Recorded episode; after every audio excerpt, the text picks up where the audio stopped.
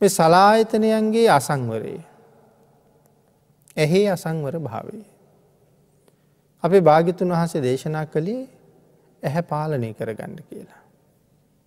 කන පාලනය කරගන්න. දිව පාලනය කරගන්න.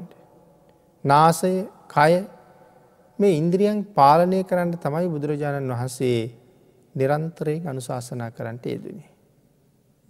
අපිට මේ ඉන්ද්‍රියන් ලැබිල තියෙන්නේ. පිනතින මේ ඉන්ද්‍රියන් හරියට දෙපැත්ත කැපෙන පිහියක් වගේ. හොඳ පැත්තට යෙදුවොත් හොඳටම හොඳයි. නරක පැත්තට යෙදුවොත් අන්තිම නරකයි. මේ ඉන්ද්‍රියන් උපයෝගී කරගෙන මේ සංසාරි ගොඩට ගෙනියන්නත් පුළුවන්. තවත් අවුරුදු කල්ප කෝටි ගණන් බුද්ධාන්තර ගණන් මේ සංසාරය ඇවිද්ධ වන්ඩත් ඇවිද්ධ වන්ඩත් මේ ඉන්ද්‍රියන්ට පුළුවන්. පව් රැස් කරගත්තේ පව් කරගත්තෙත් මෙන්න මේ ඉන්ද්‍රියන් පාවිච්චි කරලා. හැබැයි මනුස්්‍ය ජීවිතෙන් වැඩක් නැහැ ඉන්ද්‍රියන් නොතිබ්බනං. ඇස් දෙකෙන් මෙච්චර පව් කරනවාද කෙනෙකුට හිතන්ට බෑනය වුණාට එහෙනම් මට ඇස් නැතුව ඉපදුනානං කොච්චර හොඳද කියලා. ඇස් නැතුව ඉපදුනානං ඇස්වලින් කෙරෙන පව්මට කෙරෙන්නේ කෙරෙන්නේ නෑ කියලා අපි කවදාවත් සතුට වෙනවාද. ඇස් නැති කෙනෙක් තමයි දන්නේ ඇස් නැති එකේ පාඩුව කොච්චරද කියලා. එතකොට ඇස් ඇරගෙන කරන්න පුළුවන් පින්කං කොච්චර තියෙනවාද. හිතල බලුවත් ඇස් නැති කෙනෙක් තමන්ට ජීවිතය දුන්න අම්ම කවදාවත් දකින්නේ නෑ. මේ ඉන්න මගේ තාත්තාය කියලා කවදාවත් රූපයෙන් දකින්නේ රූපයෙන් දකින්නේ නෑ. මේ ලෝක ඉරහඳ තාරකා තියෙනවා කියලා මිනිස්සු කියනව ඇහෙනවා.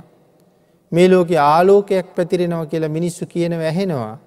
නමුත් ඇස් නැති කෙනාට ඒකක්වත් පේන්නේ පේන්නේ නෑ. චෛත්‍යයක් දකිින්ඩ බෝධයක් දකිින්ඩ බුදු පිළිම වහන්සේ නමක් දකිින්ඩ දැකල ශ්‍රද්ධාව උපදවාගණ්ඩ ඒ තුළින් සිත පහදවාගණ්ඩ එයට කිසිම භාගයක් හම්බ වෙලා හම්බ වෙලා නෑ. දෙනම් ඇස් තියෙන නිසා ඒ භාග්‍ය අපිට ඕන තරං ලැබිල තියෙනවා. අං ඒකයි මම සඳහන් කළේ මේ ඉන්ද්‍රියන් හරියට දෙපැත්ත කැපෙන ආවිද වගේ. ආං ඒ හින්ද අපේ බුදුරජාණන් වහස දේශනා කළා මේ ඉන්ද්‍රියන් පාලනය කරන්න හැම වෙලායම. අනවශ්‍ය දේවල් බලන්ඩ යන්ඩිපා.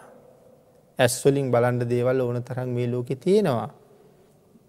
බුදුරජාණන් වහස දේශනා කළේ අනවශ්‍ය දේවල් බලන්ඩ යන්ඩිපා. අනවශ්‍ය දේවල් බලහම හැම වෙලාම කෙලෙස් තමයි වැඩින්නේ. එහින්ද අවශ්‍ය ප්‍රමාණය බලන්ඩ. අනවශ්‍ය ප්‍රමාණය බලන්ඩ යන්ඩිපා කියන එකයි භාගිතුන් වහස මේ ඇහැ පාලනය කරන්න කියලා දේශනා කළේ. මේ කාරණාව නිසානි බුදුරජාණන් වහන්සේට මාගන්දිය කියන බමුණා දෝෂාරෝපනය කෙරවී. මේ බමුණ කියනවා බුදුරජාණන් වහන්සේ කියල කෙන වෘදිනාසකයෙක් කියලා. ඇයි වෘදිනාසකය කියල කියන්නේ. මිනිස්සුන්ගේ දියුණුව නැති කරන කෙනෙක්. මිනිස්සුන්ගේ දියුණුවට අකමැති කෙනෙක්. භාගිතුන් වහන්සේ අහපු හම ඇයි මට එහෙම කිව්ව කියලා. මාගන්දී කියනවා මිනිස්සුන්ට ඇස් හම්බ වෙලා තියෙන්නේ රූප බලන්ට. රූප රසවිඳින්ට. රූප හොයන්ඩ ඕනේ රූප බලන්ඩ ඕනේ රූප රසවිඳින්ඩ ඕනේ දැක්කට වඩා ලස්සන රූප හොය හොයා ගිහිල්ල බලන්ඩ ඕනේ. ඒ මාගන්දිය කියන හැටි.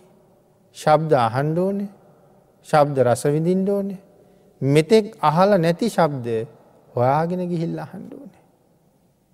රස බලන්ඩ ඕනේ රස හොයන්ඩ ඕනේ මෙතෙක් කාල නැති රසවත් දේවල් හොය හොයා ගිහිල්ලා අනුභව කරලා රස හොයන්ඩ ඕනේ.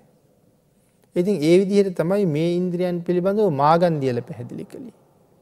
නමුත් භාගිතුන් වහස සඳහන් කළේ ඇහැ පාලනය කරගන්නට. මාගන්දිය බුදුරජාණන් වහසට චෝදනා කරනකොට භාගිතුන් වහස මාගන්දීගෙන් ඇහුව මාගන්දිය. රූප හොයල රූප බලල රූප රසවිඳලා රූප තෘෂ්ණාවෙන් මත්වෙලා ඉඳලා. අන්තිමට රූපයේ ආදීනව දකිනාය ගැන ඕගොල්ලන්ගේ සූත්‍රවල මොනවද තියෙන්නේ කියලා. මාගන්දිය වෙලා ඉබිම් බලා ගත්තා.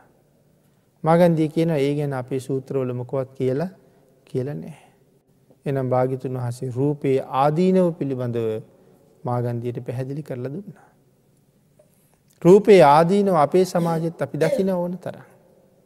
රූපෝලිං සෑහීමකට නැතිවිච්චාය ඒ ඒ ඒ ඒ රූප පිටි පස්ස ගිහිල්ල රූප හොයාගෙන ගිහිල්ල ජීවිත විනාස කරගෙන මරණයෙන් කෙරවල කරගෙන හිරේ විලංගුවේ වැටිලා නෑදෑවි වහිමි වෙලා ඒ පාලනයක් නැතිවෙච්ච හම විඳවන තරම මේ සමාජයෙන් අපි නොදකිනවා නෙමෙයි. නමුත් කාරණාව ධර්මයත් එක සංසන්ධනය කරලා ගලපලා හිතන්නේ නැති නිසා අපිට ඒක ඒ තරම් වැටහුණේ වැටහුණේ නෑ.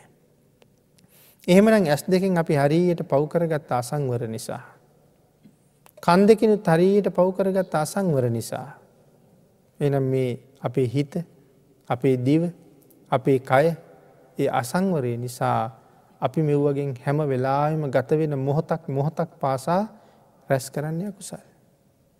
අපේ හිතට මොන තරං සිතුවිලි දවසකට ගලාගෙනනවාද. මොහොතක් විවේකීව කල්පනා කරලා බැලුවොත් ඒ ගලාගෙනන සිතුවිලි අතර රාගික සිතුවිලි කොච්චර තිබුණද. දේශ සහගත සිතුවිලි කොච්චර තිබුණද. මෝහයෙන් පිරිච්ච සිතුවිලි කොච්චර තිබුණද. කාමයෙන් පිරිච්ච සිතුවිලි කොච්චර තිබුණද. මේ හැම එකක්ම හැම එකක්ම කුසල්. එමනම් ඔය අතර පුුණ්්‍ය සහගත සිතිවිලි කොච්චරද තිබුණේ. ඉතාම ස්වල්ප ප්‍රමාණයයි. එනම් වැඩිපුරම රැස්වෙන් යකුසල්. ආංඒකයි සඳහන් කළේ ඇඟ පුරාම දුර්ගන්ධයි කියලා. කුණු වෙලා සැරව ගලනවා කියලා. නමුත් මේ වගේ විපාක විඳින්ට වෙච්චහම නිරේ ගිහිල්ල දුක් විඳින්න සිද්ධ වෙනවා මේ ලෝක වශයෙන්ු තිරේ විලංගුවේ වෙටල දුක් විඳිනවා. අනුන්ගෙන් ගොටි කාලා අත පයි කෙල්ල දුක් විඳිනවා. නමුත් ඒගේ තවත් ආදීනවයක් හැටියට මරණින් පස්සේ සතරපාය වෙටල දුක්විඳින්ට දුක්විඳින්න සිද්ධ වෙනවා.